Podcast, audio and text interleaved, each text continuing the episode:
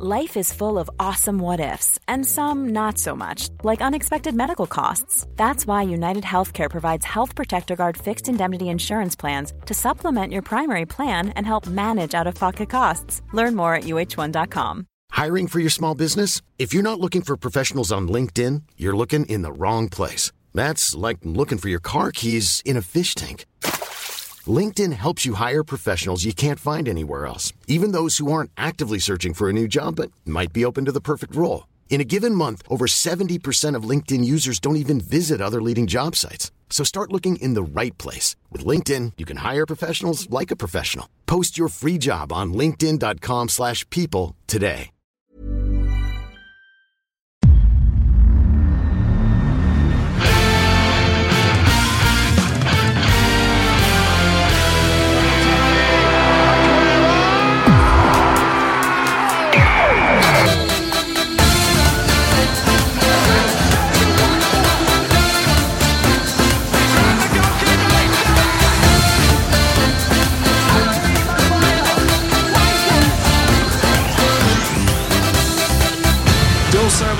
Hjärtligt välkomna tillbaka till ett eh, nytt avsnitt av Rule Britannia. Det lackar nu i full fart mot jul. Det är den 21 december. Vi har tre dagar kvar till julafton, men det ska sannoliken spelas Premier League-fotboll redan på lördag inför det där julfirandet och sen så ökar det bara i eh, tempo.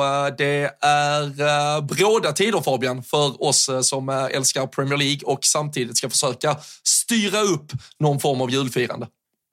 Ja men verkligen. Och fan, jag har fått upp hoppet precis. Jag såg ju ett eh, uselt West Ham igår mot, mot Liverpool på Anfield och kom att tänka på David Moyes borta facit mot de så kallade, vad fan säger man, Big Six? Eller säger man, ja det säger man fortfarande va? Eller finns det ens längre eller? Frågan är när man pratar David Moyes så känns det ju nästan egentligen som Big Four. Alltså det känns som att det mer är... Fantastic Four. Fantastic, Fantastic Four. Den otroliga fyra. Men alltså Moyes är så gammal så att City är ju inte egentligen relevant för hans historiska tränargärning känns det som.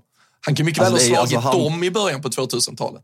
Ja, för, för, när han signade för United, alltså 2013, så hade han aldrig slagit Fantastic Four på bortaplan.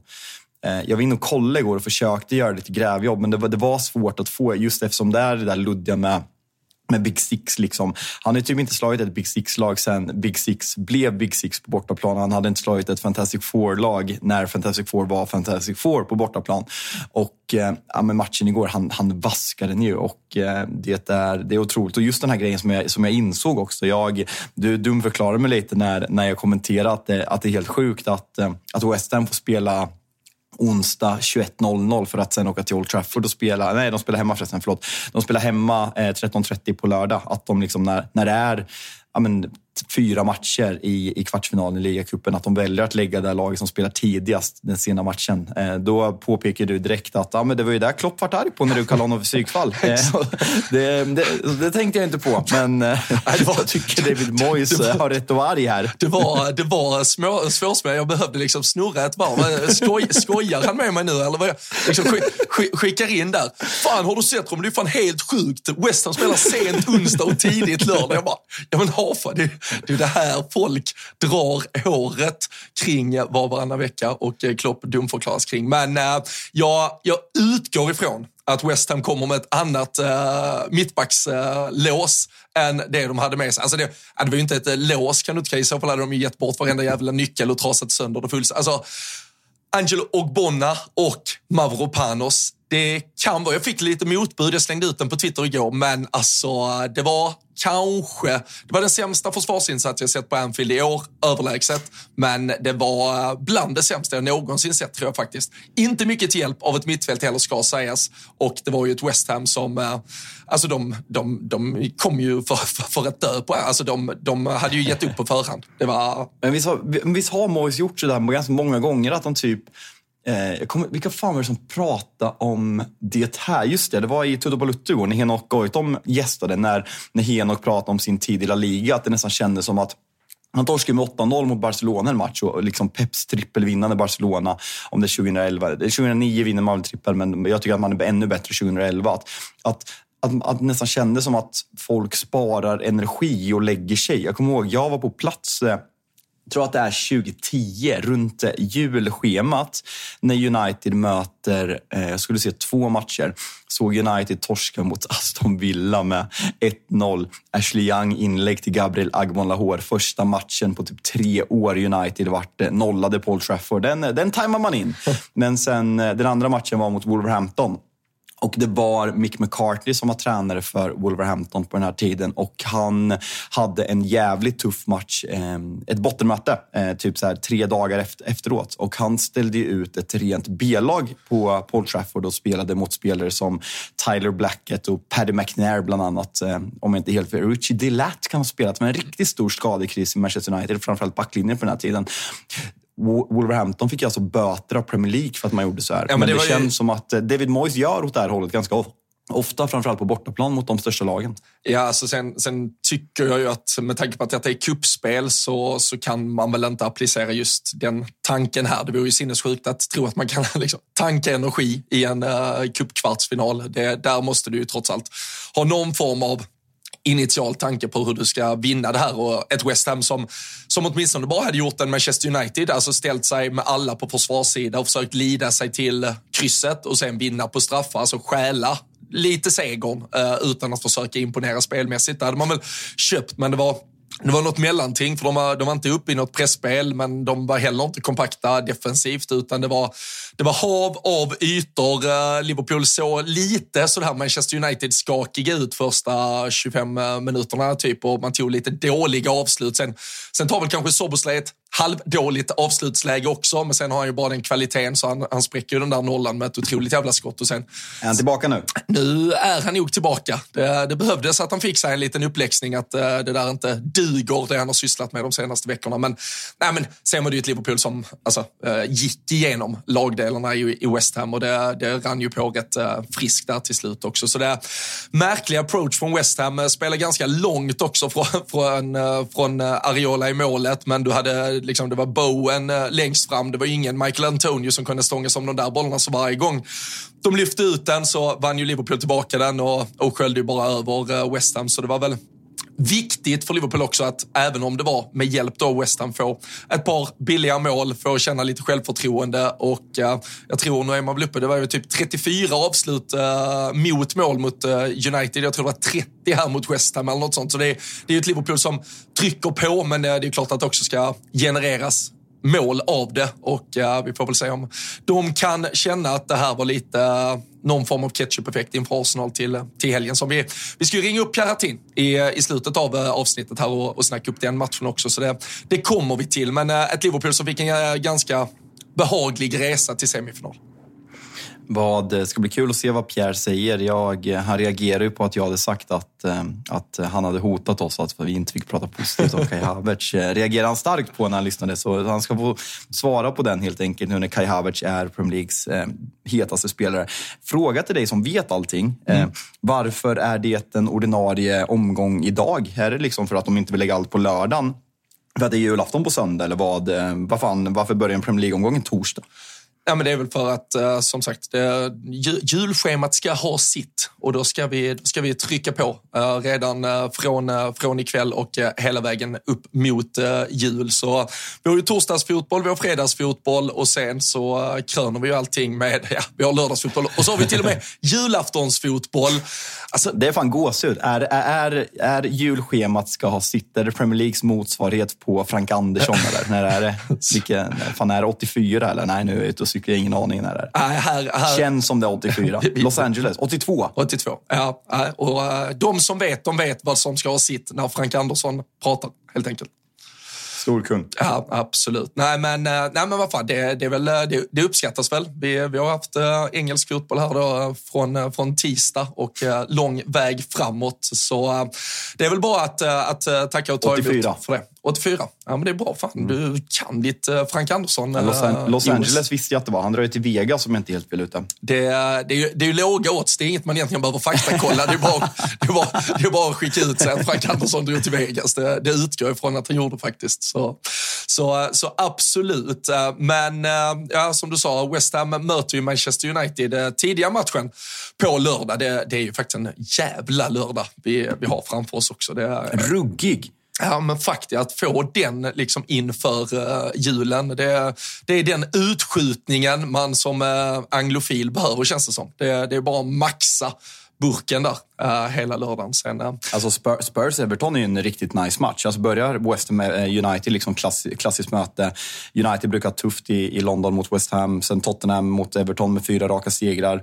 Sean Dyche, Tottenham börjar komma igång efter skadorna och sen liksom kommer um, liksom, alltså, där, man väntar efter på kvällen. Och liksom Bingolotto, vem, vem är det som är Lotta Engberg och eh, jag vet inte ens vem som är programledare längre, men det, det, det, det är ju bara att glömma. Alltså, Bingolotto är inställt i år. Det är Premier League-fokus och eh, nej, det, ska bli, eh, det ska bli så jävla kul. Ehm, fan vilken helg vi har framför oss. Och, helg, alltså vilka jävla veckor vi har framför oss. Det, det är kul som fan, även fast mitt lag är pissdåligt. ja, men jag, jag, tycker ändå, och jag tänkte på det lite, alltså, du fick ju den här då, liksom, uh, vunna poängen på Anfield uh, i söndags. Du har sluppit se ditt lag spela midweek-fotboll och så har du då sett lördagens motstånd släppa till fem och det kunde varit typ tio. Är det första veckan på hela säsongen där du känner hopp inför framtiden? Ja, nästan faktiskt. Det var, ja, men det var lite efter, efter, efter Everton-matchen där, eller efter premiären när liksom den usla insatsen mot Wolverhampton. Man tänkte så här, så här dåliga är vi inte, det är något som är fel, det kommer vända, men nej. Sen ser man positiva Micke var ute på Twitter och svinga och jämföra, dra upp statistik med Klopp och Artetas första säsonger. Då, då, då börjar man ju koka. Eh, så det varit, eh, det varit heta diskussioner på Twitter igår. Men, ja, jag, såg att, jag såg att mörkret ja. uh, omfamnade dig till slut ändå. Ja. Det gick inte att stå emot. Ja. ja nej, det, det, det, det, gick inte. Det, det brann till lite, men det är kul det också. Så är det. Jag tycker att vi, vi kan säga direkt inför den här då fullspäckade lördagen så kommer vi såklart tillsammans med ATG att sätta ihop ihop en eh, trippel. Det blir vår eh, uppesittartrippel och eh, sen så kommer där en Boxing Day-trippel också såklart. Så det är ju verkligen rek nu och hög tid att följa oss på sociala medier, både Twitter och Instagram, så håller man ju koll på vad som gäller. Till lördagen så tror vi ändå att Tottenham bygger vidare på, de har ju sett fina ut senaste tiden här. Everton också sett väldigt bra ut. Nu fick man ju, vi ska komma till deras ligacupkvartsfinal, men att Tottenham Tottenham slår Everton och att eh, Fulham slår Burnley, också ett lag då som eh, gick vidare där, på tal om Everton, det var Fulham som slog ut dem på straffar. Och sen så tror jag att båda lagen gör mål i Liverpool-Arsenal. En trippel där till lördagen som eh, ger ungefär fem gånger pengarna just nu på atg.se. Gå till slash tutto direkt så får man upp den och kan klicka sig vidare. 18 år, stödlinjen.se om man skulle ha problem. Men eh, det är en rätt fin trippel att, att hålla i handen där och kanske kan ge lite extra julklappsklirr i kassan.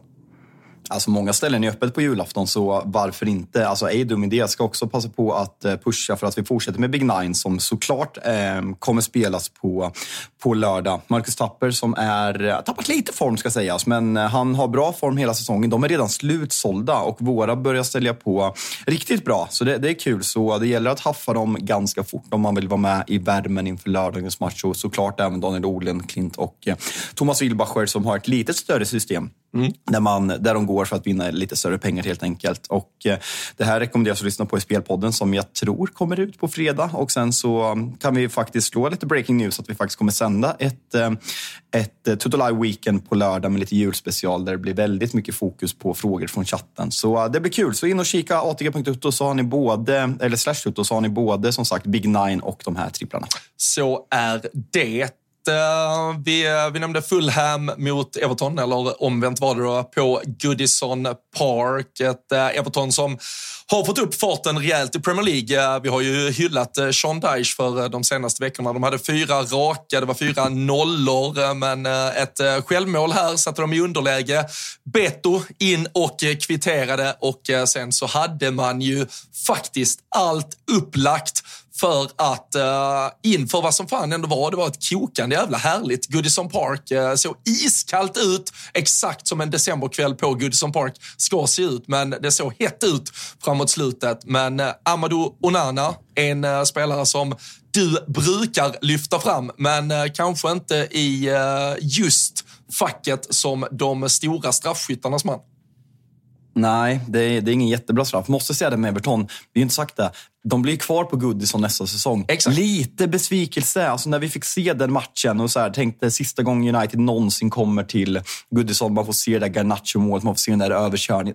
Fan, det blir minst en match till. Fan, lite deprimerande, lite orent får jag ändå säga mot, eh, mot Everton och dess ägare. Eller, eller vad, vad känner du? Alltså det är klart det är orent. Sen uh, var väl uh, Per, uh, när han var med oss redan tidigt på säsongen, vår, vår goda vän och Everton-supporter då, han, han var inne på det där när, när jag också frågade honom, tror du att det håller tidsschemat? Och då, han, han, var väl luttrad med tanke på vad han har sett den där klubben prestera både liksom på och vid sidan av planen de senaste åren. Så han var väl rätt säker på att det skulle bli en um, en försening och uppskjutning på han, det. Han, han trodde väl att det skulle bli en Spurs-grej, att man typ spelar så här fem, sex månader Precis. eller någonting, men inte hela säsongen. Så det var väl ändå Nej. lite oväntat. Ja, du, men, du har ju sett, bara, men du har ju sett också, alltså, Liverpools äh, läktarbygge skulle ju också varit klart här eh, inför ja, säsongstart. Alltså, det, Eh, du, du, har lite i byggbranschen på Merseyside att styra upp känns det som. Det är kanske dit du ska, dit du ska ta ditt pick och pack och, och pipa iväg. Fan, hur många gånger har ni byggt om er jävla kortsida? Eller vad, vad är det Anfield Road ni brukar bygga om? Eller? För det känns som att ni Nej, typ ju... många säsonger har spelat typ så tre raka bortamatcher för att det har varit förseningar också för sommaren. Main, Mainstand uh, var ju det stora ombygget uh, här för ett par okay. år sedan när vi höjde från... Var det där, var det där jag fick sitta själv någon match? Ja, ja precis. Mig? Där man måste ha med sig ja. kikare och, och hela, ja, hela liksom, uh, paketet. Men där, där höjde vi ju från då typ 46 000 till 54 eller något sånt. Och med då den här motsatt kortsida hemsida till Decop som nu byggs om och eh, snart då är fullt öppen. Det var väl ja, mer eller mindre, det var väl två tredjedelar som öppnades mot United så kommer vi komma upp på 61 000 tror jag. Det var väl 57 eh, eller något sånt mot uh, United. Så ja, vi klättrar mot de riktigt höga siffrorna. Men trots det, innan vi går vidare på Everton, trots den här ja, men publiktillströmningen till Anfield och eh, den röda sidan av, eh, av Stanley Park, så uh, stämningen, det är inte bara jag som är på den. Även Jürgen Klopp går ut och gör en Pep Guardiola och kritiserar sina egna fans. Vad eh, kommentarer? Ja, men det, alltså, det är super, supersmart, uh, tycker jag. Det, det, var, det var bättre stämning i, uh, igår än vad det var mot uh, United. Sen, sen fanns det ju, och jag, jag härleder ju till det jag pratar om, liksom att det finns triggers. Det är ett lag som också visar visar någonting, det är ett givande och tagande. Sen kommer ju alla lokalinvånare påstå att det var mindre turister på plats och det Finns, det stämmer ju, det stämmer ju också. Att, att, det, att, det, är så, absolut. Sen att det nödvändigtvis betyder bättre stämning när det bara är locals, det har jag sannoliken upplevt att så inte behöver vara fallet. För de kan också vara rätt jävla bittra och förbannade på laget och sitta och tjura. Dylan sjunger mer än, äh, än regular scouts. Liksom. Absolut. Där, där tar jag på mig en riktigt jävla hög hatt varje dag i veckan. Men, ja. äh, men alltså, Klopp är ju smart här. Alltså, nu, nu blir det ju, sen också, alltså, lördag 18.30. Äh, oh! det, alltså, det, det, du, du ska ju skjuta. Han sa alltså, är du inte beredd att liksom, typ, äh, sjunga slut på dig helt på läktaren där, då behöver du inte komma dit. Ge bort din biljett. Så han vill ju trigga igång igång någonting. Han vill ju att snacket på stan ska vara, ska vi på matchen, då ska vi fan, nu ska vi fan visa Klopp liksom. Så han, han eldar ju igång något här och eh, vi har ju sett Mikael Arteta tappa humöret. Just ja, var förra året? När de leder 2-0 va? Exakt. Sen vinner Trent, vet, det är något typ så 50-50 mot Xhaka. Xhaka blir lite förbannad. Han tappar huvudet först, Arteta tappar det sen. Arsenal tappar det därefter. Och därifrån ungefär in i mål så är ju inte Arsenal sig själva och eh, vi har sett det för så jag tror Klopp eh, är supermedveten om vad han gör här utan eh, nu ska Anfield eh, både lyfta vårt lag men också se till så att eh, Arteta och Arsenal inte tycker det är så jävla kul att spela fotboll.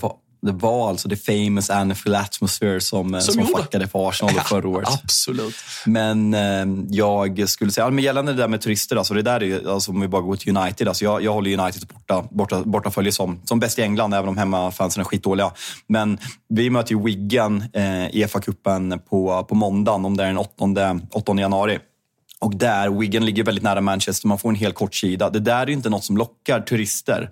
De turister som lockas av det där, det är liksom de som vet de vet. För de vet att det här kommer vara typ, typ årets bästa away. Medan när United spelar bortamatcher, framförallt i London, då, då blir det mycket turister som kanske inte bidrar med stämningen. Som är de här, ja, men det här, den här asiatiska familjen som, som visat bredvid på, på Goodison som frågade varför ställer sig folk upp?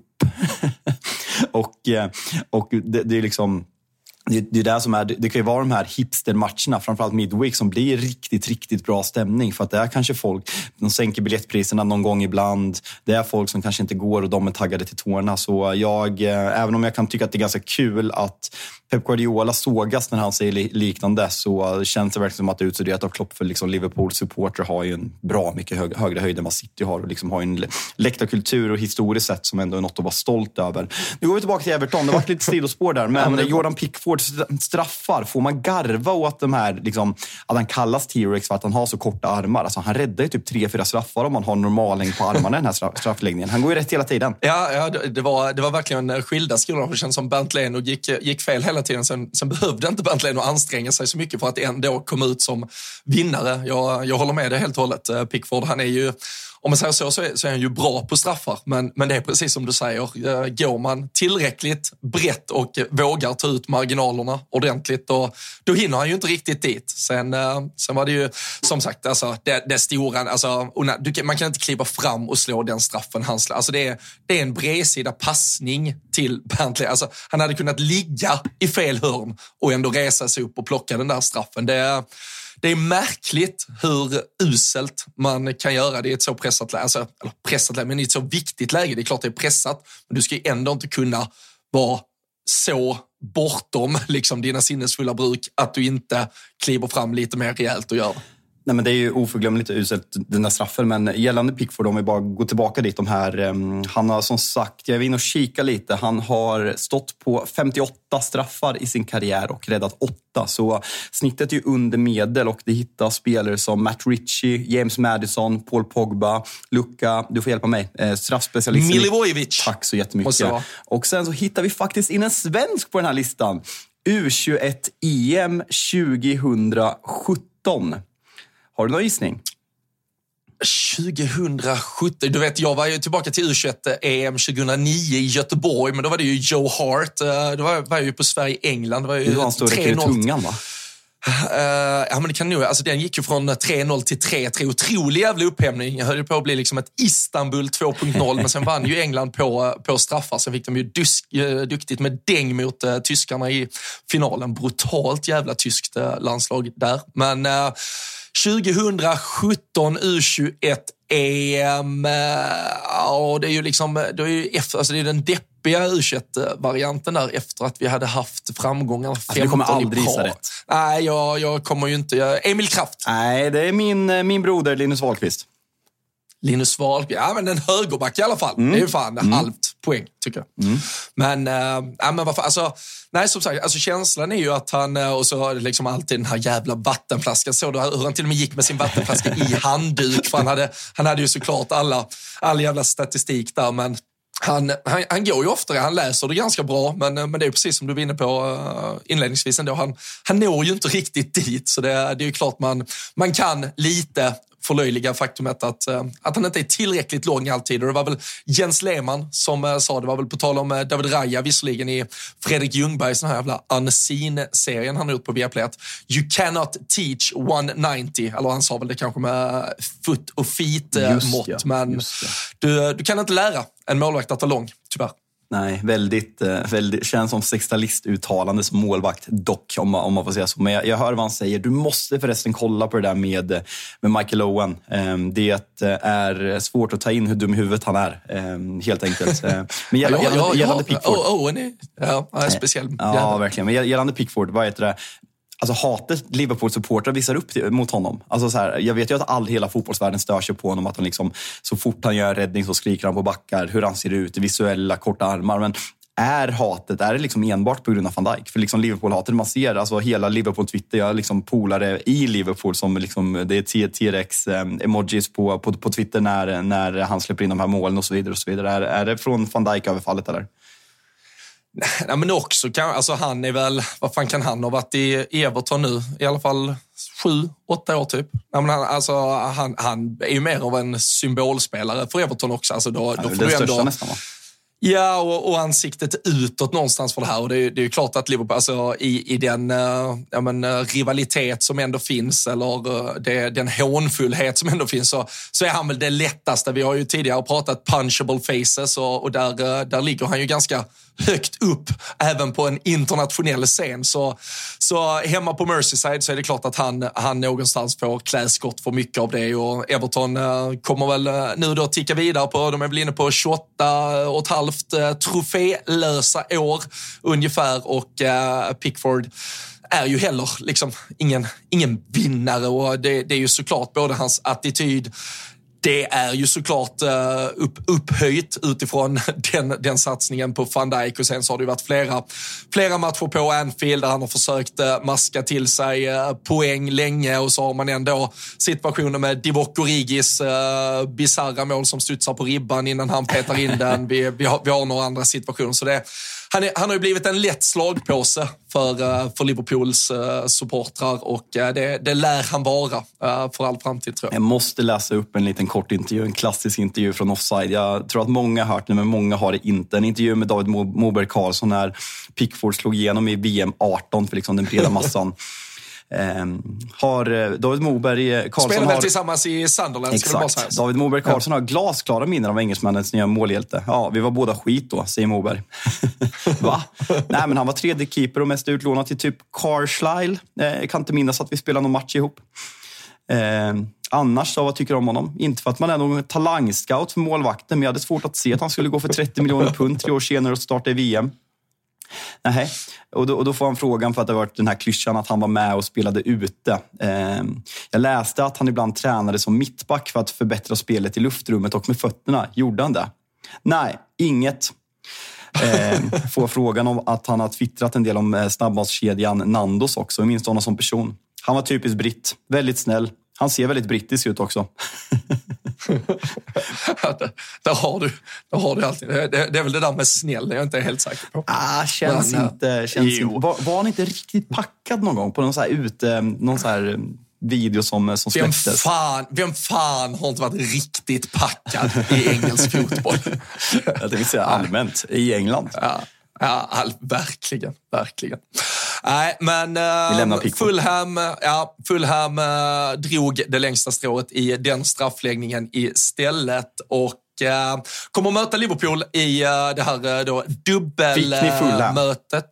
Vi fick Fulham oh, och det betyder att i den andra semifinalen, och det här är ju sista året också, vi spelar de dubbla eh, semifinalerna. Hemma borta. Liverpool börjar hemma, avslutar på Craven Cottage och eh, Chelsea som till slut också gick vidare. De börjar borta mot eh, Middlesbrough och där kan vi väl bara konstatera att Kieran Trippier fortsätter att ha några riktigt tunga veckor. Du måste sluta. Alltså, du måste sluta så fort en högerback gör något dåligt. Ja, tänk om det vore Trent! Eh? Du, uh, du måste lägga du måste, av Robin. Du måste, du, du, måste också förstå hur ni har behandlat Trent de senaste fem, sex åren. Trots att han har varit bland de absolut bästa i världen och vunnit allting. Det är en avundsjuka ni inte har kunnat hantera. Jo, men kan, och kan du bara vara stor där och, och släppa det där? Nej, absolut inte. Men om, om en högerback gör något dåligt, aldrig, måste du jämföra kom. hur folk hade reagerat om det var Trent? Det är ju för att folk har högre förväntningar på Trent. Men uh, Trippier, alltså han, ja, hans sista veckor är i nivå, nivå med Trent försvarsmässigt. Jag håller med dig. De är inte i, i nivå. Alltså, han har gjort fler misstag på tio dagar än vad Trent har gjort på tre år. Det, det, alltså, han borde ju, alltså, enligt Trent-koefficienten så borde han ju liksom vara, han borde vara eh, liksom, halshuggen på ett torg just nu, Trippier egentligen. Vad har han? Men han har ju dubbla mot Spurs som är direkt svagt, svagt försvarsspel. Han först, har väl mot Everton innan? Två, två, två, mot Everton där han ger bort bollen ja. som blir frilägen. Alltså, han har två gånger där han blir, Ja, och sen har han två, de mot Tottenham är ju bara, det är bara uselt och det är lite bra också av yttrarna, eller ja, det är väl sån båda gångerna i Tottenham. Mm. Och, eh, och sen då här där han tar ner bollen på bröstet och lägger upp den till Mudryk. Och sen också. kröner han det med att bränna straffen också. Så det är ju, det är ju sex grova misstag på tio dagar. Det är, det är starkt. Chelseas eh, försvarsspel på 1-0, är det något vi vill eh, prata om eller? Alltså det, det, det, är bland det bättre kombinationsspel jag har sett av Chelsea den här säsongen i alla fall. Colwill bryter den snyggt, spelar upp den, Wilson fri, Silva ska ta den, studsar istället på klacken, sätter den till Badia Chile som inte får träff och så är det bara för Wilson att raka in den. Men äh, det, var, det var ju parodi, alltså fullständigt. Och det, det, det är ju där det fortsatt är med Chelsea och jag tyckte man såg det så också i första. Alltså de, de ägde ganska mycket boll, de skapade inte riktigt några klara målchanser, men man ser ju att det är individuell kvalitet i laget. Men det, det, är ju fortfarande någonting strukturellt som gör att saker och ting sitter inte. De vet inte riktigt var de har varandra. Och, alltså, såklart, det är ett bisarrt alltså, mål de släpper in, men det är ju ändå för att folk vet inte riktigt vad de ska göra hela tiden. Och, och Callum Wilson utnyttjar det på ett fenomenalt... Alltså, det kan man ju älska ändå, att han bara plöjer som ett jävla ånglok från halva planen och bara springer rakt in mot två spelare. För man känner att här kan nog ändå hända någonting. För de, de, har inte, nej men de har inte kylan just nu, de har inte lugnet just nu. Allting kan hända när Chelsea spelar fotboll. Så, eh, så det är ju snyggt av Wilson att eh, ändå utnyttja det. Och, eh, och sen är han ju stensäker när han dunkar upp den också. Så det, det får man ju ge Wilson, men jag tycker Chelsea tycker jag ändå ett fall framåt. Eh, alltså de, jag tycker ändå de, de skapar absolut tillräckligt för att den här matchen ska gå minst till straffar. Sen, eh, sen sättet de till slut får, får målet på är ju en eh, rejäl bjudning som sagt. Men uh, Mudryk uh, får, får trycka dit den, får göra mål på straff. Är det våraste för Mudryk inför uh, andra halvan av säsongen kanske? Alltså, det, det, finns ju någonting där. Sen är han lite en sån spelare som jag tror inte passade i ett, eh, i ett, eh, i ett topplag för att han är en kontringsspelare. Alltså när han slog igenom i Shakhtar så var det att han låg på rulle hela tiden i ett lag som stod väldigt lågt och där tror jag att han är, kan bli elit. Men någonstans vill ju Chelsea spela en fotboll som är kontrollerande för att det är så fotbollen ser ut idag. Då, då tror jag att hans eh, spelintelligens inte är tillräckligt bra, så jag tror att han kommer komma på en nivå. Sen tror jag aldrig att han kommer bli tillräckligt bra för att starta en klubb som vecka ut och vecka in vill vinna Premier League. Ehm, det tror jag nog inte, men det är klart att han inte är så dålig som man har skrattat åt, eh, åt hittills. Ehm, det landar Sen tycker jag att man ser den här matchen att eh, men kanske, alltså Chelsea ligger ganska lågt i tabellen, så för dem är det rimligt. Men Newcastle, hur mycket man verkligen hungrade efter den här, efter den här titeln. Alltså man såg liksom följe till, till Wembley förra året när man mötte United i eh, ligacupfinal. Eh, man är extremt skadedrabbat. Man har haft ett extremt tufft schema med Champions League. Det har varit ligacupen, det har varit midweeks. Vi går in i julschemat. Ändå ställer man upp med det absolut bästa man har i den här matchen. Eh, vilket visar liksom att man verkligen, verkligen ville det här. Så eh, äh, ett tungt slag för Newcastle. Ja, och, eh, och det är som du säger, alltså, de, det, det, är ju ett lag som både fysiskt och mentalt, nu, alltså nu, nu blev det uttåget helt ur Europa förra veckan.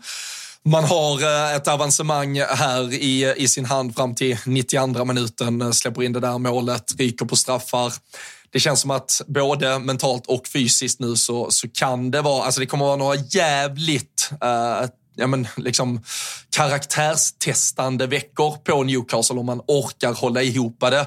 Man har alltså Luton på lördag borta. Ett Luton som var så nära att slå Liverpool, så nära att ta poäng mot Arsenal, så nära ändå att ta poäng mot Manchester City. Kan det vara läge för Alltså, Tänk dig ja, den alltså. lilla jävla arenan som kommer uppfylla all energi i det laget. De är på, alltså de kommer med situationen från helgen i ryggen. alltså Tom Lockyer och, och kollapsen uh, nere på Vitality Stadium. Uh, kan väl bara säga i förbifarten, den matchen har ju voidats till vidare. Den ska, den ska spelas om helt och hållet, så det är inget resultat eller någonting som står sig från. Men Luton, tänk dig ändå kraftsamlingen. Tänk hur, hur den arenan kommer gå samman på lördag och så kommer Newcastle med de här liksom trötta benen, halvt skrynklade skallarna. Ja, flaggar upp lite för att Luton eh, tar den där tre poängen på lördag. Ja, en tuff match verkligen. Eh, får jag bara... Gällande, när, vi är inne och pratar lite Newcastle, nu blir det en lång koppling där Alexander Isak spelar, så vart lite spridning på, på Leonard Jägerskiöld som vi har eh, väldigt lågt förtroende för efter att han sa att Burnley skulle Burnley. ta över Premier League. Men han håller ju den här EFL-podden, tror jag att den heter där de pratar Championship och League One, League 2, riktig engelsk fotboll. Eh, han pratar ju om att Gyökeres eh, är given att vinna Guldbollen eh, gällande vår diskussion vi hade om att Kulusevski ska vinna den i, eh, i eh, förra avsnittet.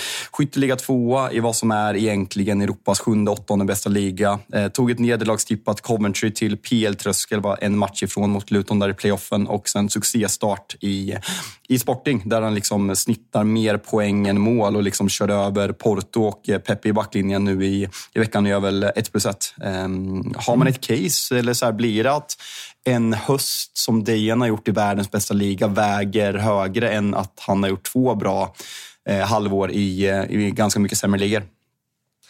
Ja, men jag, tror, för, jag, jag tror du sa fler poäng än mål, det, det brukar man ju ha. Men ja. fler poäng än matcher äh, är det väl han. Han har typ 17 plus 8 på, på 20 matcher. Alltså så hans statistik, alltså hans siffror från hösten i, i Sporting är ju alltså, briljanta och det, det, det finns väl en miljardklausul som, som till och med liksom, topplag i Premier League kommer att kika på, kanske redan i januari och absolut annars till, till nästa sommar. Så det, det är klart det finns ett case för Gyökeres. Jag tycker väl dock att om vi zoomar ut lite så har han ju inte ens under hela kalenderåret varit given typ startspelare i det svenska landslaget. Sen, sen kan man ju tycka att det är fel och att Jan Andersson har gjort eh, mycket som man kan ifrågasätta. Men jag, jag har svårt att se att en spelare som inte har varit garantispelare trots allt för ett svenskt landslag under hela året kliver förbi ytterfil och tar det. Jag köper att det finns siffror och statistik som skulle kunna backa upp det. Jag, jag, alltså, folk kan inte sitta och rasa fullständigt om han skulle vinna den. Jag, jag tycker kanske att han går före Alexander Isak i den diskussionen. Men jag tycker det är en Kulusevski till, till 100 procent och det, det, får inte ens mål i den portugisiska ligan mig att uh, liksom, tumma på. Jag, jag, vet inte, köper du, uh, känner du att eh, Gyökeres börjar bygga ett case där borta? Ja, alltså, det är klart att det är imponerande, men liksom, Guldbollen ska vara till Sveriges bästa spelare och jag, jag tycker att det är en Kulusevski. Liksom. Om jag läser upp lite, lite, lite namn här. Eh, Chavez, Rio Ave, Chil Vicente, Arouca, Estrolil. Kanske du tänker, vad är det här? Är det liksom det... åttonde divisionslag i den brasilianska ligan? Nej, Nej jag, men tror, det... jag tror jag tror det var ölmenyn på den lilla lokala portugisiska eh, krogen här. Ja, nej men, eh, nej men, på nionde plats har vi Estrella Amadora. Vi har på sjunde plats Family Ciao. Eh, det är, liksom, det är ölmärken, det är inte fotbollslag han möter. Så det, jag tycker man ska ha med det i beräkningen. Och jag, och jag, jag, jag vill Darwin Nunez gjorde mål Nej, i portugisiska ligan. Ja, jag skulle precis, alltså, och, och grejen är så här, du, du säger det och raljerar, jag förstår. Men alltså, alla, och det blev ju jätteviralt hur, hur bra Gyökeres var mot eh, Porto i måndags. Och han, gör, eh, han gör väl ett mål, först gör han ju mål, sen gör han ett till mål som blir bortdömt. Det var väl lite suspekt sådär, och sen ligger han bakom ett till. Så han, alltså, riktigt jävla bra. Men jag skulle säga exakt de klippen jag ser på Gyökeres, exakt de klippen var det som fick mig förälskad i Darwin Nunes. Så jag säger, det är ingen garanti för någonting, men exakt det där riviga, slitiga, vinna bollen på halva plan, typ köra över det där jävla portugisiska pissligan som det är. Alltså det, Darwin Nunes gjorde det vecka in och vecka ut. Han gjorde 26 mål. Alltså hur är det ja. möjligt? För att det är den portugisiska ligan. Ja. Nej, men alltså, har du den fysiken så kommer du jävligt långt i Portugal. Och därför, därför får man ge liksom hela ja, men, uh, alltså gänget runt Gyökeres uh, så jävla rätt. Alltså, jag tror de har tittat på den här typen av anfallare. Klart som fan vi sätter honom i Portugal. Han kommer, han kommer att vara kung i Portugal. Och uh, sen mycket möjligt att han har en upptrappning och kan ta det till den uh, största scenen och, och, leverera även i Premier League. Men uh, jag, jag sätter ändå li, lite reservation än så länge. Det, som sagt, vi har sett folk göra det förr i Portugal. Jag var inne och kollar på Darwin. Så jag gjorde sex mål mot S-Bad ehm, eh, säsongen. Eh, det är inte ett fotbollslag liksom. Eh, I Portugal. Nej, nej, nej, som sagt. Där, där finns några sådana gäng. Sen kan man ju då vända, alltså, nu var det ju Porto istället. Nu, nu var det ju faktiskt mot uh, vettigt motstånd just den här, uh, den här matchen. Men uh, ja, om vi bara ska stänga Guldbollen-diskussionen, och det, då stänger vi den fan och sen öppnar vi aldrig den igen. Det är en Kulusevski ska, ska ha den. Han ska ha den. Så är det bara. Men uh, Chelsea som sagt uh, vidare då. Uh, Trippier och sen Matt Ritchie, uh, nya andra slipsen i, i Chelsea där som fick uh, kliva fram. Har varit lite sur om de ska gå ut och värva något i januari nu, Sanchez borta och sådär. Men han får bygga självförtroende. Vad är det, Petrovic, han heter va, som, som plockade den straffen. Och Chelsea mot Middlesbrough, då får vi väl Liverpool-Chelsea igen. Vi hade dubbla, vi hade både ligacupfinal och FA-cupfinal för två år sedan. Det blev 0-0 0-0, så du, du måste redan vara sugen på en cupfinal mellan de två lagen. Nej, det blir Michael Carrick eh, som står på andra sidan efter nej, men, kölhalningen av Port Vale i, eh, i tisdags. Det är, en, det är ett fotbollsgeni vi har att göra med och eh, jag tror att de kommer vinna ligacupen. Eh, ganska enkelt faktiskt. det bara, får du nog en liten peng på borta på ATG om du, om du går på Middlesbrough. Dels klara ett dubbelmöte mot Chelsea och sen då uh, oddsmässigt i alla fall mest uh, troligt att möta ett Liverpool i finalen. Det, det är klart uh, det är en bit kvar att gå för uh, Middlesbrough, men uh, de uh, lär njuta har, resan. Har du koll på, det har ju plingat några gånger om man har kollat 16-matchen på, på Premier League-studion, men har du koll på vad anfallaren i Middlesbrough heter? Det är ett otroligt namn. Nej, här är det, jag är helt, jag, jag har inte ens en, en här. Emmanuel Lattelaff.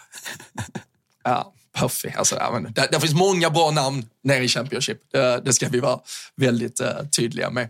Så uh, nej, uh, semifinal klart i ligacupen. En uh, Premier League-omgång som uh, sparkar igång redan torsdag kväll. Fortsätter hela vägen då den här omgången fram till julafton och eh, grädde på moset är väl ändå Liverpool-Arsenal. Vi, eh, vi ska alldeles eh, strax eh, ringa vår eh, kära vän eh, Pierre Hertin, men eh, tänkte bara kolla lite med dig. Det, det fortsätter ju ryktas mycket kring Manchester United. Vi har pratat om det här Newcastle-bygget eh, och eh, vad, vad de ändå har lyckats göra på två år och eh, den som till stor del har legat bakom det tillsammans med Eddie Howe, det har ju varit eh, sportchefen där, Dan Ashworth som eh, man hämtade in från Brighton.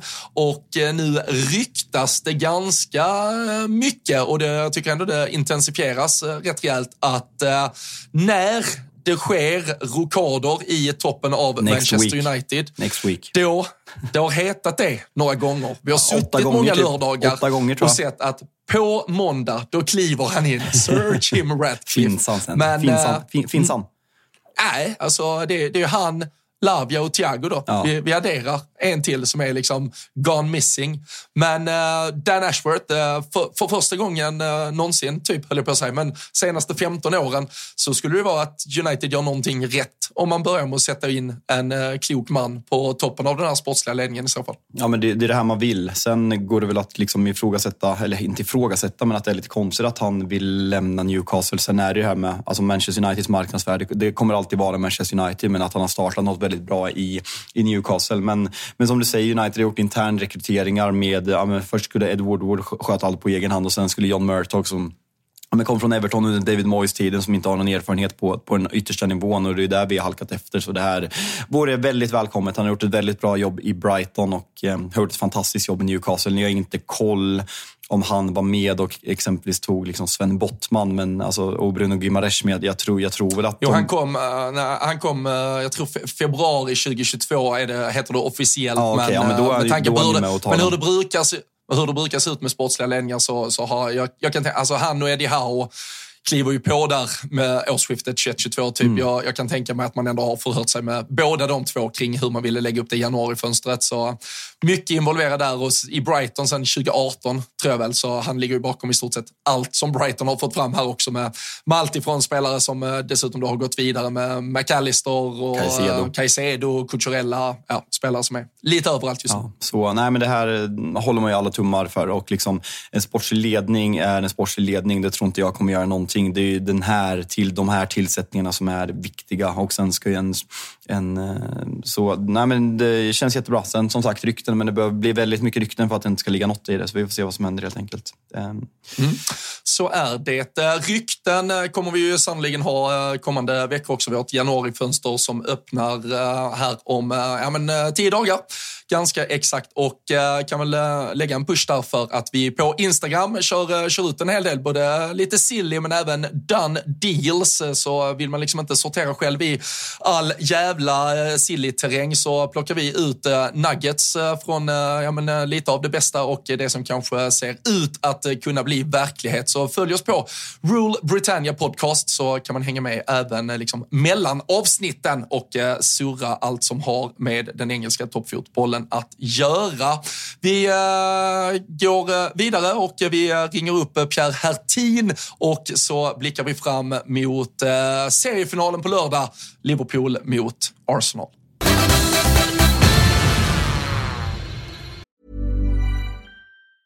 I'm Sandra, and I'm just the professional your small business was looking for. But you didn't hire me because you didn't use LinkedIn jobs. LinkedIn has professionals you can't find anywhere else, including those who aren't actively looking for a new job but might be open to the perfect role, like me. In a given month, over 70% of LinkedIn users don't visit other leading job sites. So if you're not looking on LinkedIn, you'll miss out on great candidates like Sandra. Start hiring professionals like a professional. Post your free job on linkedin.com/people today.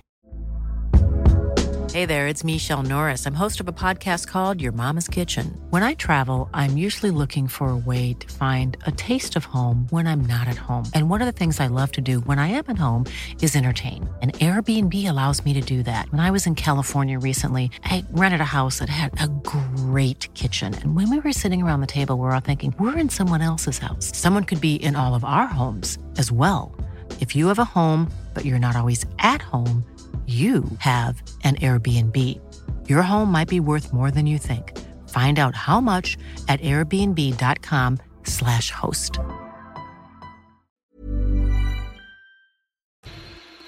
Yes, då, då har vi med oss eh, Pierre Hertin igen också. Eh, serieledaren som ska slås ner från tronen på eh, lördag. Hur, hur känner du inför att komma till häxkitten Anfield och få en jul förstörd? Ja, det är väl en jag är inställd på efter... Det är väl över tio år sedan vi senast vann där, så jag har väl räknat med att julen är över, så jag har försökt njuta in, in i det sista nu.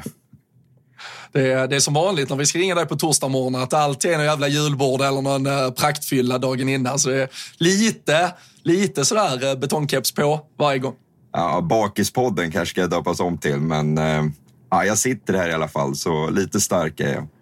Det ja, inte, Robin, vi, Robin, vi har fan blivit bättre på det. Jag kommer ihåg i början när vi började podda i somras, så jag vet inte om det var någon kompis med som fan, ni börjat typ åtta raka avsnitt med att säga att någon av er är bakfulla. Men jag tycker vi har bättrat, bättrat oss i alla fall och vi har liksom mognat. Så det är Pierre som får ta den där, den där omogna pojkaktiga rollen så här i juletider. Ja, jag ska, börja, jag ska börja se upp till er mer. Så. Ja. Du, hade ju kunnat hoppa, du, du, hade kunnat hoppa på vårt Kai Havertz-tåg lite tidigare i alla fall, så hade du suttit och sluppit skämmas så mycket på sociala medier som du gör nu. Ja, det har varit mycket struligheter senaste veckorna. Man hör att jag hotar er för att prata gott om Kai Havertz och sen, sen är Johan Ryn ute och svingar på Twitter att jag är sämsta gästen ni har. Så, äh, ser fram emot 2024 och börja om på nytt. ja, det är bra det. Vi, eh, ska, vi ska eh, såklart eh, kolla lite läget i Arsenal. Vi ska blicka framåt mot den där matchen på lördag. Men vi kan väl säga, vi, vi plockar ju in Pierre här för att snacka upp detta Fabian. Men på tal om att plocka in folk så har vi faktiskt en tränarrotation i Nottingham också som vi måste nämna. Ja, men det var ju när Jalkemo sätter ner foten och säger nu räcker det, som jag gjorde i söndags eftermiddag, så tog det bara en dag så var Romano på. Han hade hört på Rule Britannia och eh, kände att något var i görningen. Så eh, nu när Esperisanto Santo är tillbaka. Eh, frågan är om vi kommer få den Santo från Wolverhampton eller om vi kommer få killen från Spurs. För det var två ganska olika tränare. Eh, revansch att utkräva. Kan, kan det bli en ny Unai eller? Alltså att Spurs-sektionen blir hans Unais Arsenal. Att han liksom, nu ska han tillbaka och visa vem han är efter succén i eh, Saudiarabien. Han fick sparken va? Ja. jag tror han fick sparken från ja. Al Ittihad, så jag vet fan hur mycket succé det var. Det var i alla fall Nej, någon som skrev ironiskt. Eh, väldigt kul. Uh, Anthony Elanga kan i alla fall uh, förbereda sig på att spela wingback direkt. Det, det, är slut med att vara någon jävla anfallare nu. Nu ska det vara wingbacks. Han var ute och tacka Steve Cooper såg jag också. Och gällande, gällande Saudiarabien, eh, Pierre, eh, tankar på Citys eh, semifinal i klubblags-VM. Vad tycker du om matchen? jag har sett noll minuter, noll sekunder. Ehm, så jag såg resultatet bara, men absolut inga kommentarer. Ja, ja, ja. Väl, de hade lite resande supportrar. Det hade väl varit Sjukt. en liten fin tripp att kunna ha så här i decembermörkret egentligen. Du, du måste väl nästa, alltså även om du såklart vill vinna Champions League för att vinna Champions League så måste du nästan helst vilja vinna Champions League för att få vara med i klubblags-VM 2025. du är inte ute på fel spår. Men, I USA va? Odds, USA, odds på att Pierre kommer att åka på klubblags-VM om det blir av i typ en... Ja, men, det är inte ens spelbart. Nej, nej, nej. nej, nej. Hela sommarsemestern. ATG hade gått, i, hade gått i konken om de hade erbjudit spel på det. det. Hela, hela, som, det. hela sommarsemestern bokad. Bara, exakt de här datumen. Ska till USA och åka runt. Men vad skulle jag säga? Jag, det är typ det, jag är allergisk mot eh, när, när man har gäster i poddar och man frågar så här, och ska prata om sitt lags match. Nej, jag såg inte matchen. Men fan, ljug om att du såg matchen. Läs på lite sitta och prata som att såg matchen. Här är det faktiskt helt okej okay att man inte har sett en sekund. Jag har inte sett ett enda mål av den här semifinalen. Jag bryr mig inte. De möter Fluminense i final. Jag bryr mig inte. Nej, alltså det, det absolut inte. Det, det, det finns ingenting. Jag såg någon som försökte bygga, bygga något case av att det skulle vara häftigt att se den här jävla... Ja, men, vad fan heter han ens? Denis? Nej, vad fan heter han? Uh, tränaren i Fluminense som är Rydström-inspiratören. Du vet, det ska vara relationismen mot uh, Pep Guardiolas uh, possession-fotboll här. Så det ska vara två stora fotbollshjärnor mot varandra fredag kväll. Men den kan vi skita fullständigt i, tycker jag. Och istället så blickar vi framåt. Och eh, frågan är väl var, eh, var Arsenal är mentalt. Eh, vi pratade lite inledningsvis eh, idag, Pierre, om att ni kom ju till Anfield eh, förra våren, hade 2-0-ledning, tappade lite. Robin pratade om Pierre, jag skalle. pratade inte om. Ja, det var väl du som konstaterade att förfallet började där till slut när du hade hört min utläggning. Men äh, ska ni lyckas komma mentalt förberedda och hålla ihop det på Anfield för en gångs skull? Ja, jag hoppas väl att vi är i ett mer mentalt stabilt läge än vad än vad kanske ni är just nu, där en tränare som är ute och svingar mot läktarna och allt möjligt. Eh, men eh, alltså det var ju en del av förfallet förra året och eh, som jag nämnde tidigare, statistiken talar ju verkligen emot oss. Ehm, så det är klart, det är klart att jag fortfarande ser er som favoriter när jag har hemmaplan. Men däremot så kan jag inte minnas en match på Anfield som vi går in med ett så pass bra eh, läge på förhand med många spelare friska. Eh, det hade vi förra året med, men då saknar vi dock eh, Saliba och det är väl det som kanske skulle vara eh, skillnaden i år. Eh, I övrigt så kommer startrelevan se läskigt eh, likadan ut skulle jag säga, men det är väl typ Rice in istället för Xhaka och sen eh, då Saliba in istället för Holding. Fan, det är många matcher nu. Ni börjar få den här alltså, kontinuiteten som ni hade, kanske framförallt under hösten, där, där är liksom Timber, absolut, men man har nästan glömt bort honom, att det verkligen är det bästa laget. Och nu när Kai Havertz har, ja, men han har gjort den här platsen till sin och liksom börjat kommit in och liksom väldigt fina, kanske framförallt eh, andra vågslöpningar och liksom hittar väldigt fina ytor. Så det är det som också gör att ni har väl fem raka segrar om jag inte helt fel ute i ligan. Att eh, man kan börja bygga på det här och det är jävligt viktigt. Och Arteta har ju gjort det som är framgång, att liksom kunna spela samma lag varje gång. Och eh, Declan Rice, alltså... Ja, jag, jag önskar att jag hade kunnat räkna in fem raka med Villa borta matchen. Ja, just det, jag glömde den.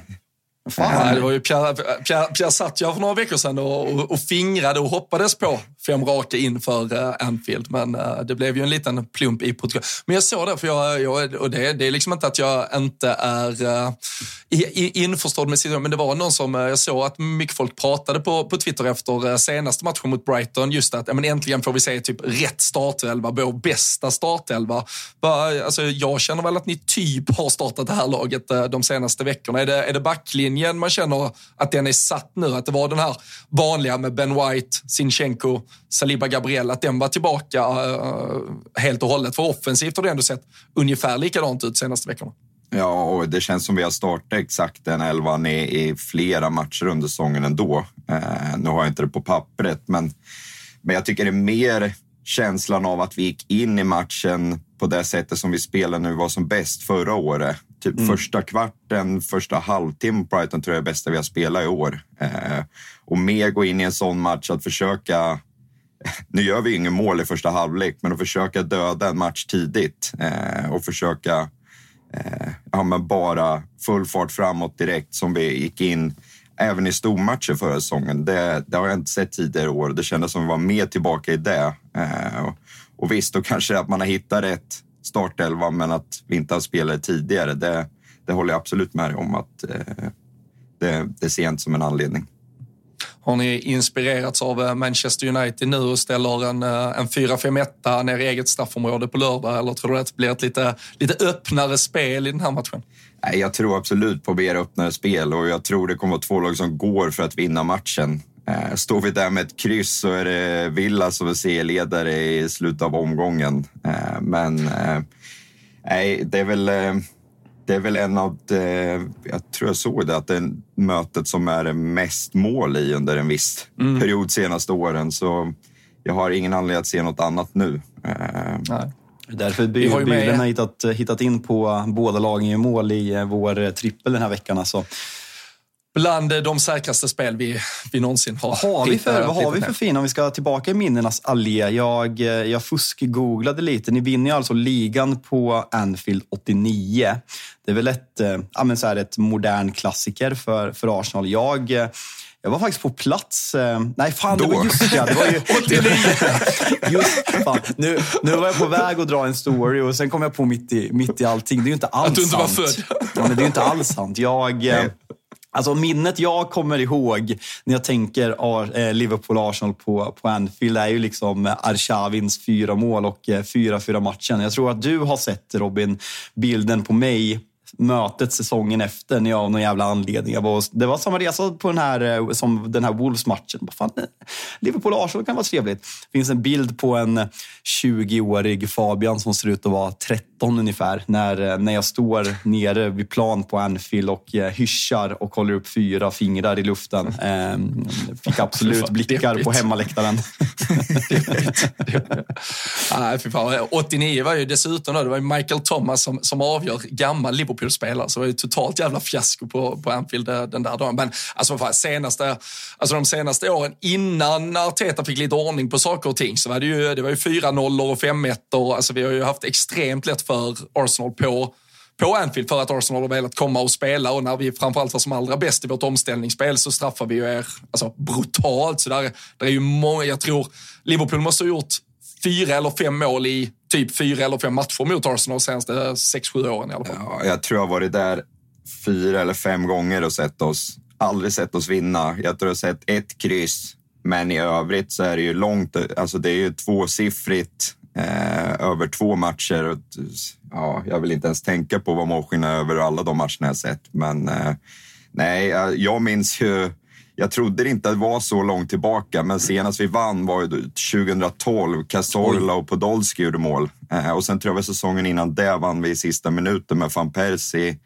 Eh, eller om det är två år innan det, när han gör ett volley, volleymål i slutet. Han gjorde flera sådana volleymål, bland annat ett mot oss själva sen i United. Men, eh, Älskar van Persie. Ehm, nej, så det, det kanske är dags, eh, men det var länge sedan. Men ja, mäktigt att Jalkemo claimar 89 att han var på plats. Det är många, många i våra led som försöker säga att de var där då för det är en sån klassisk match. Men inte trodde jag det skulle komma därifrån.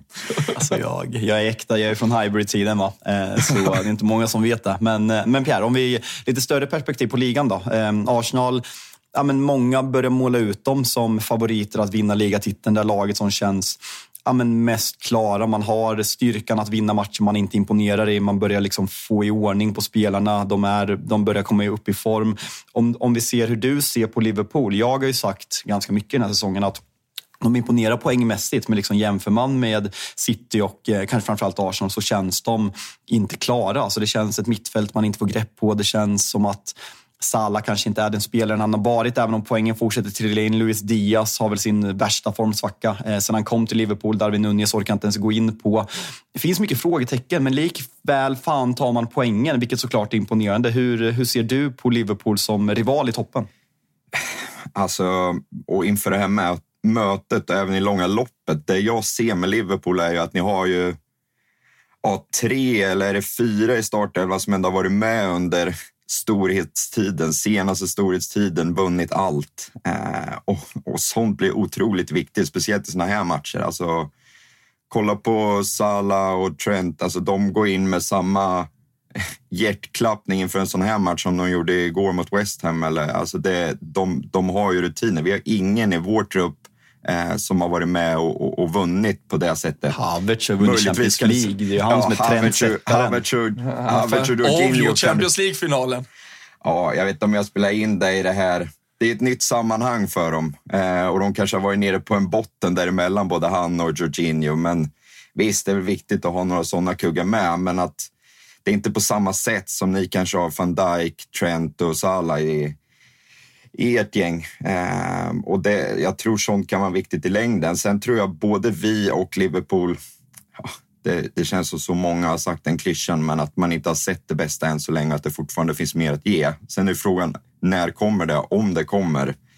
Eh, spelar vi kryss nu och City vinner så skiljer det typ tre, tre poäng till oss, två poäng till er om jag inte har fel. Eh, och vi satt i samma läge eh, kring samma tid förra året och, och prata om att eh, det finns inget som kan stoppa Arsenal från att vinna ligan. Och då hade vi ett av fem, vi hade åtta poäng vid vissa tillfällen. Så eh, jag har oerhört svårt att eh, kunna säga något redan nu om vem som är favoriter och att, att redan räkna ut City tycker jag också är helt sjukt. Eh, men eh, men det är ju ganska kul, för, för diskussionen blir ju ofta när det, när det gäller Manchester City och då, alltså sen är det, jag förstår, de har väl förtjänat den respekten eftersom de har visat vilka så winning streaks de kan gå på. Men när de har spelat dåligt i höst, då är det liksom ändå bara ursäktat med att jo, jo, men ni ska se när de kommer igång, när Liverpool och Arsenal har spelat lite dåligt i höst, då är det mer, ah, de har nog inte vad som krävs. Så alltså, jag, jag är ju mer inne på ditt som att antingen Arsenal eller Liverpool, kanske båda, tror jag kommer få träff till slut och då, då kommer det också komma några ja, men större segrar, lite lättare vinster. Man kommer liksom bara flyta på. Så eh, ja, jag tror ju att något av Liverpool och Arsenal, kanske båda, kommer vara med hela säsongen det här året. City är fortfarande ganska tydliga favoriter borta hos ATG faktiskt när man kollar oddsen. Ligger på 2,25, Arsenal 3,50, Liverpool 3,75. Mm. Och det, är så här, alltså det som talar för Liverpool, är vi har varit inne på det tidigare, att man har, mött, man har haft väldigt tuffa bortamatcher och man är väldigt starka på Anfield. Eh, spelmässigt så tycker väl jag att, om man kollar på laget, färdigheten i laget, så tycker jag att Liverpool är ganska klart sämre än både Arsenal och Manchester City. Men jag tror att det är att man är så låga odds har att göra med att man har ett väldigt alltså, typ attraktivt typ, spelschema. Vänta. Tycker du att Liverpool är ett klart sämre lag på pappret än vad Arsenal är? Eh, alltså kollar man form på spelare, hur man har sett ut den här säsongen spelmässigt, så ja, det tycker jag. Fan, okay, du kan inte ja. sitta och säga så inför den här matchen. Du kommer Nej, alltså, jag, håller Liverpool, jag håller Liverpool som favorit med tanke på Anfield, men liksom, kollar, man, kollar man matcher i sig, liksom flärden, hur det ser ut och liksom vad man har byggt upp, alltså inräknas förra säsongen, Liverpools, tycker att Liverpool saknar en balans på det där mittfältet och är fortfarande extremt sårbara för omställningarna. Det är liksom, man möter ett historiskt usel Manchester United, spelar ut dem efter noter och ändå United som har typ de två bästa målchanserna och jag, jag tror att Liverpool kommer straffas med det där medan Arsenal är, jag menar, lärt sig av förra säsongen och har satt defensiven och William Saliba liksom vecka ut och vecka in är han en av, han visar att han är en av världens absolut bästa mittbackar. Inte bara att att det snack att han är en stor talang. Han, han är på den nivån. Jag håller honom kanske som den bästa mittbacken i, i Premier League. Liksom van Dijk har mycket, men han har fortfarande sin lojhet. John Stones har varit skadad, Ruben Diaz har tappat lite. William Saliba, liksom, han är en garant. Det är väl, eh, det är väl Johnny Evans eh, som ska bollas upp där som ett alternativ, men annars, annars håller jag honom och Arsenals defensiv som ruggigt, ruggigt stabil och bra.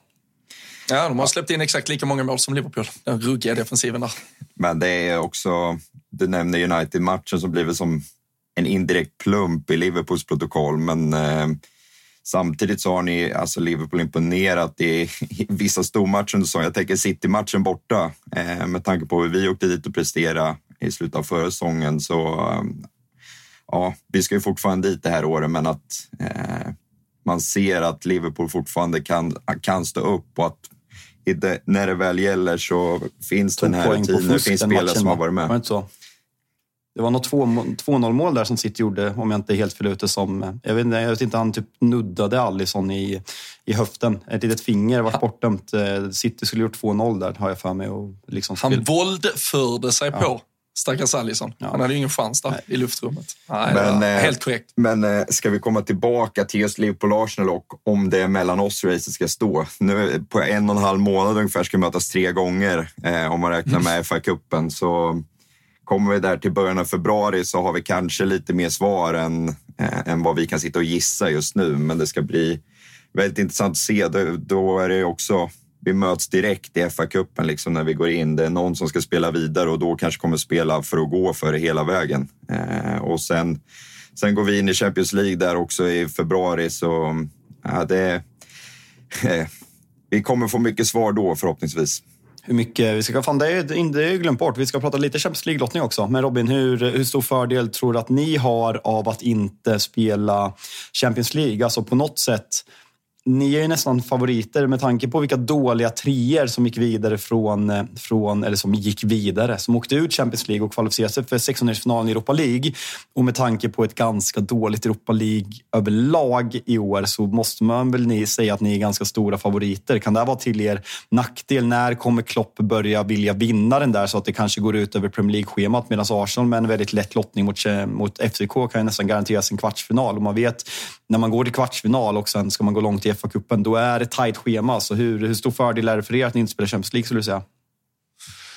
Men jag tror, eller det, det, kan bli det så. Framförallt är fördelen att vi inte spelar åttondels, eller vad säger sextondelsrundan. Vi spelar ju inte Europa förrän mars igen. Jag tror det är 7 mars eller något sånt vi, vi kliver in i det. Så vi, vi kommer ju veta antagligen då hur mycket kraft vi ska ge Europa. Alltså det, mycket kommer vara inte avgjort, men vi kommer jävlar i det ha fingervisningar kring vart eh, säsongen är på väg. Och, eh, och då kan vi ju snarare göra den, dispo, alltså disponeringen där framme kring var vi ska lägga fokus. Eh, skulle vi känna att man har tappat för mycket i ligan, då, då är det klart, gå för Europa League-titeln och gå för ett äventyr där är, är viktigare. Och känner man att man har kanske skaffat sig 3, 4, 5 poängs marginal i någon topp i Premier League, då är det klart att allt, allt fokus bara måste ligga där. Så det är väl lyxen att kunna portionera det lite, lite längre fram. Men eh, det är ju det är lång jävla väg dit och nu får vi lite ligacup-semifinaler som ändå ska spelas tufft FA-cupmöte och så vidare också.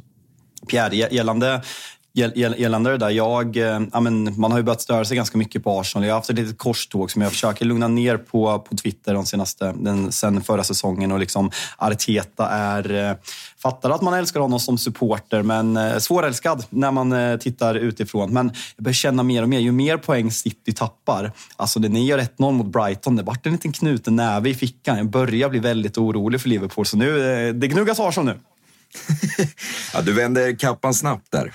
ja, verkligen. Så när, när ska vi åka? Så kör vi FCK away eller vad, vad ska bli min ja, första vi match? Fick, vi fick ju inte FCK. Arsenal i Porto. City fick FCK. Nu får just lite ordning här på just sakerna. Ja, just ja. Nej, jag satt och hoppades som fan på FCK. Det har jag inte, inte haft under hela den tiden, under alla år när jag har gått på matcher. Liksom. Men, um... Och Pierre, FCK borta är inte för alla. Pierre. Det är inte så jävla lätt ska sägas.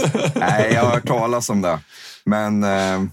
Nej, fan Porto är väl inte helt dumt heller. Jag har inte bestämt om jag ska åka än, men det lutar väl åt det. Men jag var där. Har du varit där eller? Jag, ja, jag, jag var där med Sverige. Det var ju EM 2004. Zlatans klack var på Estadio do Dragao. Portos. Um, men um, det var ändå inför lottningen så visste man att vi spelar borta först. Och det var fyra alternativa datum, vilket ett var alla hjärtans dag. Så det var lite så här hemma, hur, man, hur ska jag lägga upp det här i snacket? Blir det FCK? Hur presenterar jag liksom vi kör alla hjärtans dag i Köpenhamn. Jaha, varför då? Men, vi kunde... Men det, då, ska jag ge dig, då ska jag ge dig ett gott tecken här Pierre, för det var så här.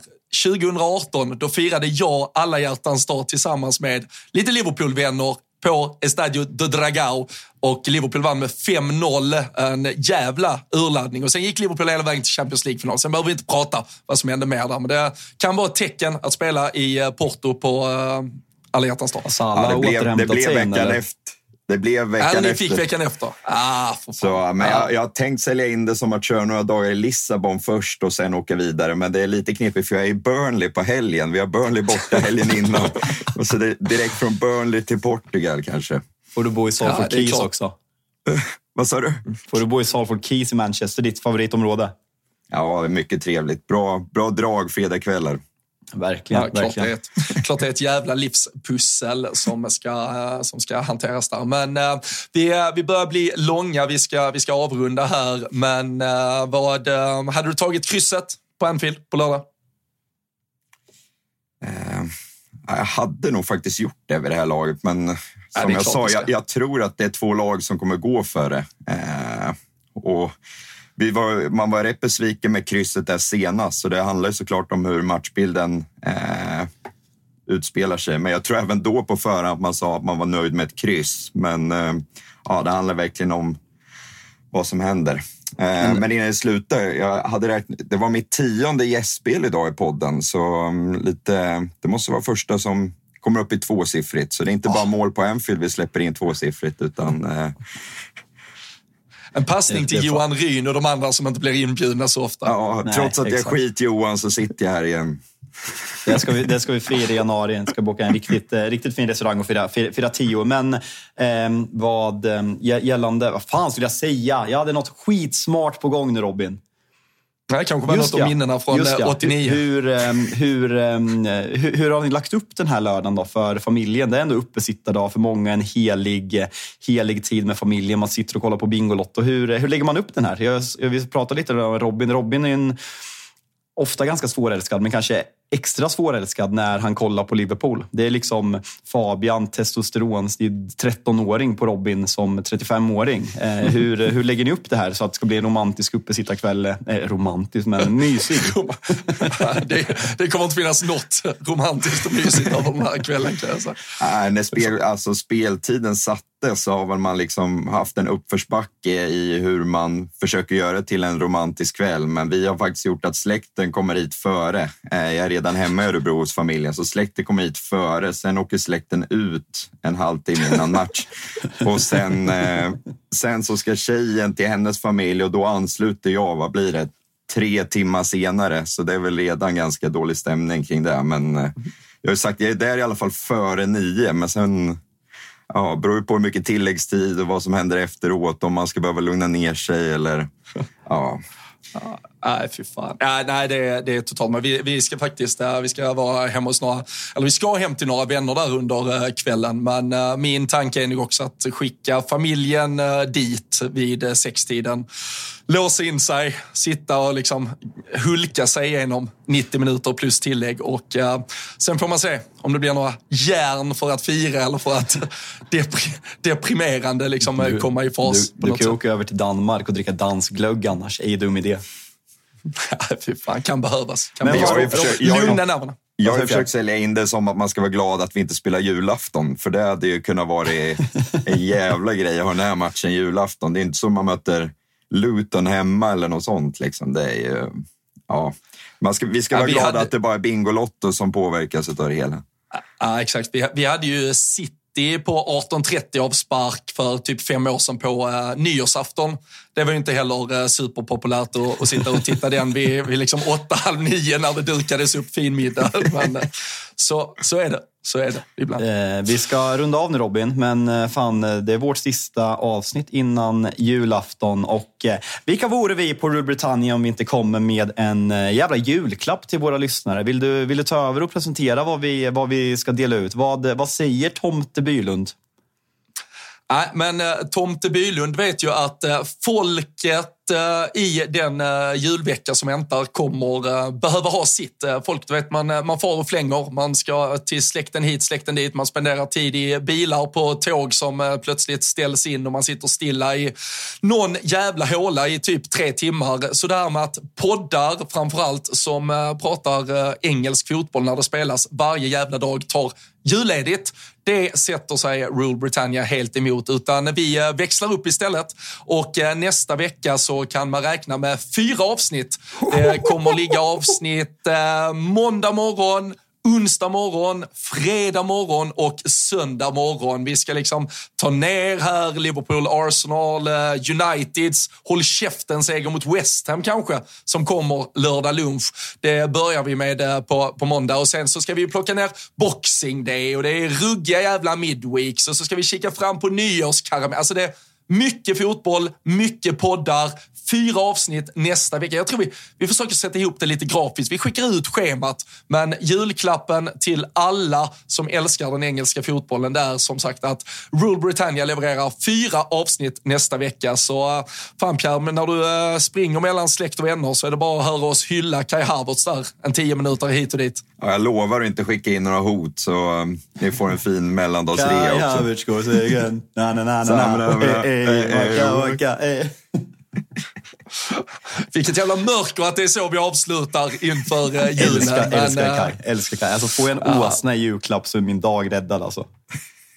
Är det en åsna de har med sig till Jeruda, alltså Jesus och åsnan och allting? Det kan alltså, vara är, är det cir- alltså, Jag säger som Alex och Sigge, vi gjorde det igen. Alltså, är det cirkelslutningen att Kai Havertz åsnefarm är liksom den kristna kopplingen till liksom Jesu barnet i Betlehem? Eller?